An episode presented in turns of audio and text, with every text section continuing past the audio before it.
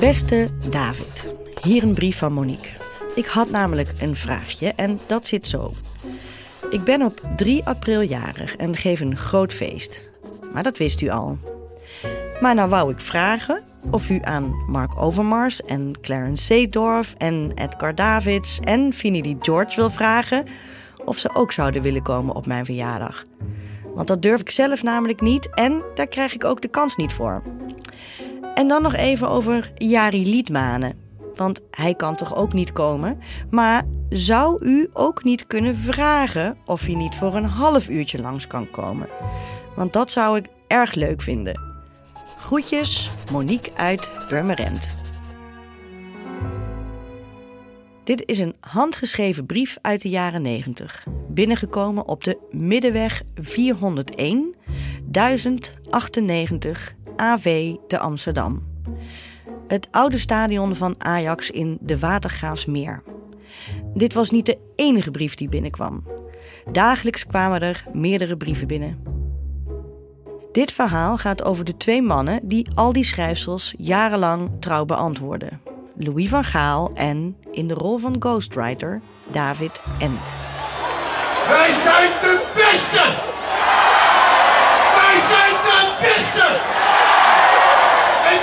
Van Rotterdam! Ik ben Meerte Hilkens. Af en toe schrijf ik lange verhalen voor het literaire voetbalblad Hard Gras en schrijf ik aan in de podcast. Via een verhaal dat ik schreef, waarin mijn oom Jozef een bijrol speelde, belandde ik in de oude postkamer van Ajax. Niet letterlijk, want deze kamer hoorde bij het oude De Meerstadion, inmiddels gesloopt verdwenen. Maar dat verandert niks aan dit verhaal. Over een trainer, een teammanager en een wekelijkse stapel brieven. Dag Meerte met uh, Louis van Gaal. Je luistert naar VV het voetbalverhaal. In deze serie neemt een top 10 van vertellers je mee in de wonderlijke wereld van het voetbal. Die is namelijk groter dan de eindeloze stroom aan roddels, relletjes en primeurs. Met in deze seizoensafsluiter een verhaal van talentvolle duizendpoot Meerte Hilkens. Ik volg haar al een tijdje op Twitter vanwege haar humoristische en soms scherpe analyses. En voor Hard Gras heeft ze prachtige voetbalverhalen geschreven. Hier klopte ze aan met een schitterend oud-Amsterdams verhaal. In deze aflevering hoor je Meerte, David Ent en een van de iconen van het Nederlandse voetbal. De enige echte Louis van Gaal.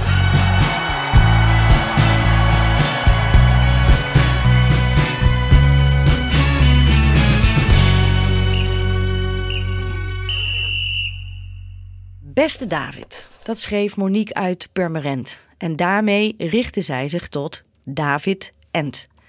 De man die we kennen als voormalig teammanager van Ajax. Oud-woordvoerder ook en, bovendien, onder regie van Louis van Gaal, chef postkamer van Ajax. Of, zo noemt Ent dat kantoortje in het Oude de Meer, de Bezemkast. David is een geboren Amsterdammer en in de jaren 90 teammanager van misschien wel het best presterende Ajax ooit. En daar fluit hij wel en daar vliegt iedereen weg. Alle kant op, Rijkaard een kant op, Kluivert een kant op en Van Gaal in de armen van Van der Lemmen. Maar voordat David halverwege de jaren 70 van de vorige eeuw in de jeugdselectie van de Godenzoden terechtkomt, is de dan nog jonge End al smoorverliefd op het voetbalteam uit zijn stad. Er loopt, zo zegt hij dat zelf, een rood-witte draad door zijn hele leven. Als kind al gaat hij op de fiets of met de tram naar het Olympisch Stadion om zijn club te bewonderen. Een club die hij vanaf de jaren 60 tot volle bloei ziet komen. Een in eerste instantie heel gewone bloem in een Amsterdamse tuin, zo omschrijft hij Ajax, die uiteindelijk tot de hemel bleek te kunnen groeien. Het papieren tijdschrift Voetbal International drukt in zijn kinderjaren nog vrolijk de contactgegevens van alle stervoetballers af. Toen kon dat nog. Je hoefde als lezer, jong of oud, dus maar even te bladeren om het adres te vinden van, zeg, een Wim Suurbier of Willem van Hanegem. En die stuurde je dan een kaartje of een brief als je dat wilde. En dat wilde de kleine Ent. Regelmatig gooit hij kaartjes op de bus in de hoop dat hij er terugkrijgt. Liefst natuurlijk met de handtekening van zijn voetballende idool eronder. Al hoefde je voor de handtekening van Shaki Zwart geen postzegels te verspillen. Want die was eigenaar van een sigarenzaak in Amsterdam-Oost. En daar kon je langs rijden en dan kreeg je hem uit handen van Sjaak kreeg je een foto van, van In het seizoen van 1974-1975 lukte David Ent om als jeugdspeler van Ajax door te stoten naar de eerste selectie. Het is voor hem een jongensdroom die uitkomt. Het heilige gras van de meer, waar hij van kleins af aan vanaf de tribune naar kijkt daar loopt hij nu zelf over. Handig hakballetje Jan Mulder.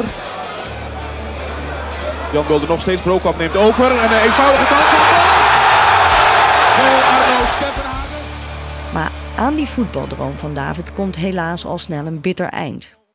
Bottepech. Door een nare knieblessure komt hij vooral op de reservebank te zitten. Hij speelt nog een korte periode bij het Belgische Racing Muiden, maar uiteindelijk verplaatst zijn carrière zich naar buiten de lijnen van het voetbalveld. Gelukkig loopt de route wel weer direct naar het hart van zijn club Ajax. Hij pakt de rood-witte draad opnieuw op. In 1980 gaat David namelijk schrijven voor het Clubblad. Hij wordt redacteur in dienst van zijn Amsterdamse clubie. En twee jaar later groeit hij verder in de rol van woordvoerder. Wat ze daar ook mee bedoelen, vat hij die functie samen. Uiteindelijk klimt David op tot teammanager. We schrijven 1992. De trainer met wie hij in dat oude De Meer een kamer gaat delen is niemand minder dan Louis van Gaal. Dan nog een jonkie dat zijn sporen op het punt staat definitief te gaan verdienen. Ze zitten elk aan een eigen bureau recht tegenover elkaar. En achter een ouderwetse schrijfmachine. De tussendeur open, zodat ze elkaar goed kunnen zien, daar in dat kamertje. Waarvan Ent zegt dat hij niet veel groter is dan de kleine studio waar we ons gesprek opnemen. Ik deelde daar een, eh, een, een, kamer niet groter dan eh, deze ruimte en misschien wel wat smaller met eh, Louis. die stond natuurlijk veel op het veld, dus ik had, overdag had ik ook nog mijn rustmomenten. Maar Louis was gewend om heel vroeg te komen. En het gaf toch een morele verplichting. Dat ik dacht, ja, kan ik niet achterblijven. Dus ik was er ook vrij vroeg. Ik had het geluk dat ik in die tijd vlakbij woonde. Dus het was niet zo'n grote moeite. Hij ging ook later weg dan normaal. Hij uh, vertrok meestal om zeven uur, half acht. Dus ik ook. En dat betekent dat ik hele lange dagen maakte bij Ajax. En de zorg voor de spelers was ook een van mijn kwaliteiten. En dan kreeg je er nog een bijzondere nevenfunctie bij ook. Ent wordt namelijk, tussen alle bedrijven door, de man die uit naam van Louis van Gaal brieven schrijft. Van Gaals ghostwriter als het ware. Want ook al is Voetbal International inmiddels gestopt met het afdrukken van de adressen van voetballers, fans blijven brieven sturen. En alle brieven die voor Van Gaal binnenkomen, moeten van de trainer van antwoord worden voorzien. Dat is voor Louis een vanzelfsprekendheid en zodoende tikt End vanaf dat moment alle weken braaf zijn brieven. Ja, dat was eigenlijk vanzelfsprekend. Uh, Louis wist wel dat ik uh, dingen onder woorden kon brengen via het geschreven woord. Ook mensen die eigenlijk helemaal niets met voetbal hadden, schreven hem brieven. En dat ging van, zo nu en dan zat er een aanzoek bij. Van, van een jonge dame die Louis wel zag zitten. Het hele leven passeert via die brieven en postkaarten in die bezemkast, de revue. Ook mensen dus die verder niet zoveel met Ajax hebben, delen hun lief en leed met Louis. En via Louis dus met David. Uh, er waren vragen bij van mensen die een probleem hadden op gezondheidsgebied. Of uh, ja, ik ga een grof woord gebruiken, maar uh, een van die, van die brieven, daar stond, en daarom herinner ik het misschien vanwege de grove term, dat ze hadden een Ajax-shirtje gekocht bij de fanshop en dat was nu verkankerd in de was. En hoe, hoe zouden ze dat kunnen oplossen? En had uh, Louis misschien een idee hoe dat zou moeten kunnen?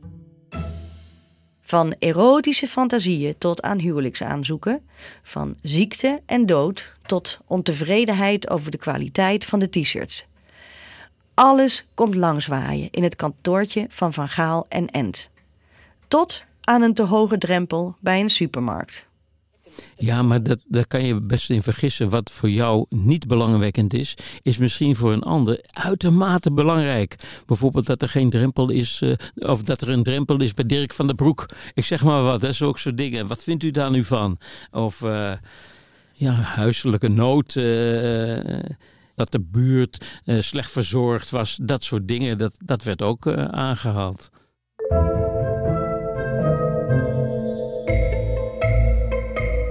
Vooral mannen van een zekere leeftijd schrijven de trainer hele epistels met technische en tactische adviezen. De ene keer deugt de opstelling niet. De andere keer moet een speler of keeper vervangen worden. Het regent post van amateurtrainers. En ja, ook die brieven worden fatsoenlijk beantwoord. Met als gevolg dat sommige van de schrijvers geregeld terugkeren op het bureau van David. De veelpleger ziet zijn kans schoon. Voor Ent dus terugkerende naam en toenaam in de brievenbus. Hij noemt ze terugblikkend penvrienden. Zoals Monique uit Purmerend of Piet. Piet die alles altijd beter ziet. Zo'n man, zo'n man van een zekere leeftijd... die geregeld in de pen klom om wedstrijden te analyseren... zo'n man was ook mijn oom Jozef. Jozef die alles beter weet. Oom Jozef, een Zuid-Limburgse duivenmelker. Zijn hele leven medewerker van de Nederlandse spoorwegen. Trouw kerkganger en bovendien decennia lang ook zanger in het lokale kerkkoor. Man van Maria en Ajaxiet. En ja, mijn oom en tante heten inderdaad Jozef en Maria. Gelukkig maakte de Limburgse volksmond daar Zef en Mia van of Zef en Mie. Ze woonden in een bescheiden hoekhuis in een klein Zuid-Limburgs dorp. Op een steenworp afstand van de in Zuid-Limburg wereldberoemde Pater Karelkapel. Geregeld eindbestemming van het wandelingetje na de maaltijd. In die kapel brand je kaarsjes voor de zieken, de eenzamen, de overledenen en op speeldagen bijvoorbeeld ook voor Ajax. Tenminste, wel in dit familietje, in die tijd, in dat Limburgse dorpje. Was oom Jozef in zijn jeugd nog vooral aanhanger van de lokale club Fortuna? Later raakt ook hij in de ban van Ajax. De rood-witte magie van het gouden elftal Kruif, Zwart, Piet Keizer, bereikte zelfs het zuidelijkste puntje van Nederland. In de weekenden streken we als familie geregeld neer bij Jozef en Maria. Vanaf de straatkant, als je de auto parkeerde, keek je uit op een haag van waterpas gesnoeide coniferen.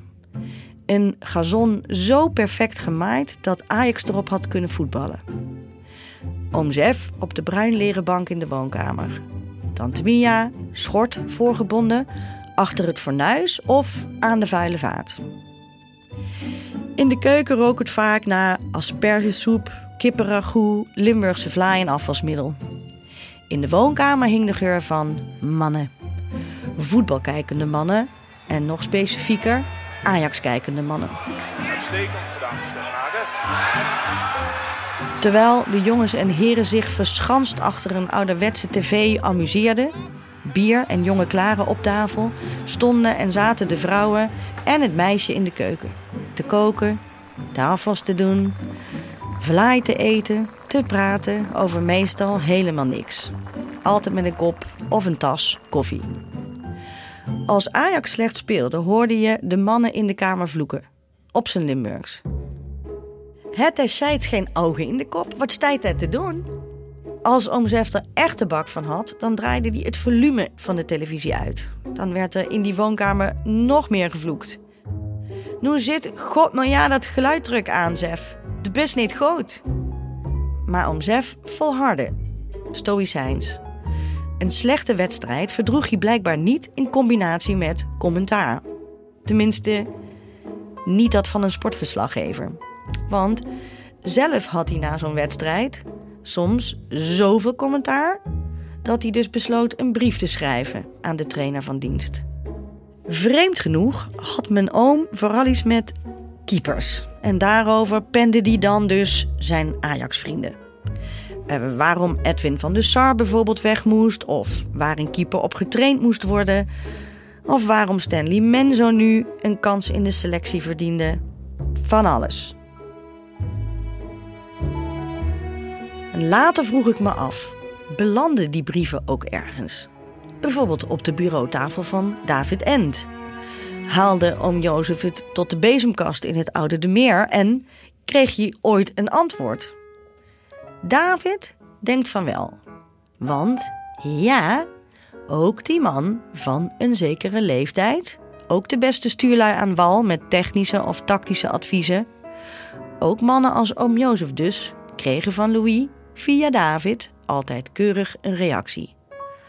Alleen mensen die echt kwaadaardige brieven schreven, met bedreigingen, gevloek, getier, en dames die hun erotische fantasieën deelden waarin Van Gaal blijkbaar een hoofdrol speelde, alleen die kregen geen antwoord. Verder was de vuistregel van Louis van Gaal een simpele. Iedereen verdient een brief terug. Dat was voor Van Gaal, als gezegd, een principe kwestie. Dat is wel uh, typerend voor Louis, dat hij daar heel uh, consequent in was. En, uh, en trouw. En dat, hij, ja, dat vond hij onderdeel van, van zijn werk. Dat hoorde bij zijn, zijn dagtaak. En de ene keer was het stapeltje drie centimeter hoog en de andere keer zeven. maar het was altijd wel flink wat brieven. En veel van die brieven waren natuurlijk makkelijk te beantwoorden. Want die gingen om een vraag of ze misschien een foto van hem mochten hebben. Nou ja, en het allerleukste was nog dat je aan het eind van zo'n dag, wanneer Louis die brieven doet, dat je allebei aan het schudden buiken was. Dat je daar, hoe is het mogelijk? Dat ze, eh, ik bedoel, zo'n zo'n brief over, over het shirt eh, dat gewassen moet worden. Ja, daar kon je hartelijk om lachen. En we konden ook lachen om de, dat gebeurde niet dagelijks, maar die zaten erbij om, om de aanzoeken die hij kreeg. Hij zegt, uh, ja, wat moet ik daar nou mee? Wat moet ik daar nou mee? En uh, nou ja, uh, en dan had je overleg en dat je veel lol om met elkaar. Dat, uh, dat verstevigde de band die er al was hoor, met Louis nog meer. He, dan, dan, deel je ook heel persoonlijke dingen. Of je sprak erover. Als je het hebt over, over ja, ziektes uh, waar mensen mee te kampen hebben. In de periode dat de eerste vrouw van Louis van Gaal ernstig ziek wordt en kort daarna overlijdt, komen er steeds vaker brieven binnen van families die ook met ernstige ziekte worden geconfronteerd. David herinnert zich dat mensen van Gaal in die tijd steeds vaker om advies vragen. Hoe moeten ze met dit enorme verdriet omgaan? Ze hebben het de kinderen nog niet durven vertellen dat pa ongeneeslijk ziek is. Moeten ze dat alsnog doen? Bij Louis was het, had het vaak een persoonlijke touch. En ik heb het nooit bij een andere trainer in deze mate meegemaakt. En dat, dat bewijst dus ook dat Louis, uh, die had een, uh, ja, een, een, bepaalde kwaliteit uh, om mensen te raken. Daar waar hij ook dus veel bekritiseerd werd door media. Hè, dus naar de buitenkant kwam hij wel eens bullebakkerig over. Hè, en misschien wel eigenwijs. Ik zeg vaak graag eigenzinnig, maar dat werd ook vaak eigenwijs gevonden. Maar de, heel veel mensen keken daar doorheen en zagen daarachter een heel andere Louis van Gaal dan degene die zich manifesteerde voor de microfoon bij de media. Grote vragen over groot leed die ook wekelijks de bezemkast binnenkomen waaien. En allemaal, stuk voor stuk, ook hier weer, kregen ze een antwoord. Louis van Gaal leest de brieven eerst zelf, vaak vluchtig, schrijft in de kantlijn wat steekwoorden voor David End en aan David vervolgens de taak om van die steekwoorden een keurige Van Gaal brief te brouwen. Uiteraard gaat niet één van die brieven vervolgens de deur uit zonder een laatste keuring van Louis. Zijn handtekening moet eronder en dus is de eindredactie aan de baas zelf. David denkt dat het atypisch is, die toewijding van Van Gaal. De wereld van sportverslaggevers en commentatoren ziet de eigenwijze trainer dan misschien als nors of misschien zelfs bot. Voor de gewone mens is Van Gaal veel meer. En dat de drukke van Gaal altijd, En overal toch weer de moeite neemt om iedereen te woord te staan. Dat is van die menselijkheid voor Ent het definitieve bewijs. Maar wie beter dan Louis van Gaal zelf weet waarom hij zijn hele Ajax-carrière tijd bleef maken voor fans, besluit ik contact op te nemen met Louis zelf. Omdat de VI geen adresgegevens meer afdrukt, ga ik via via op zoek naar Truus, zijn geliefde. Want, hoor ik mensen fluisteren in de wandelgangen, wie Louis zoekt, zoekt Truus. De Rolodex van VV het voetbalverhaal reikt ver en uiteindelijk vinden we haar. Ik schrijf Truus over oom Jozef, over mijn ontmoeting met David. En ik concludeer dat niemand beter dan Louis van Gaal zelf kan uitleggen waarom een antwoord voor hem blijkbaar zo belangrijk is. In de dagen daarna hoop ik dat ook mijn post beantwoord wordt.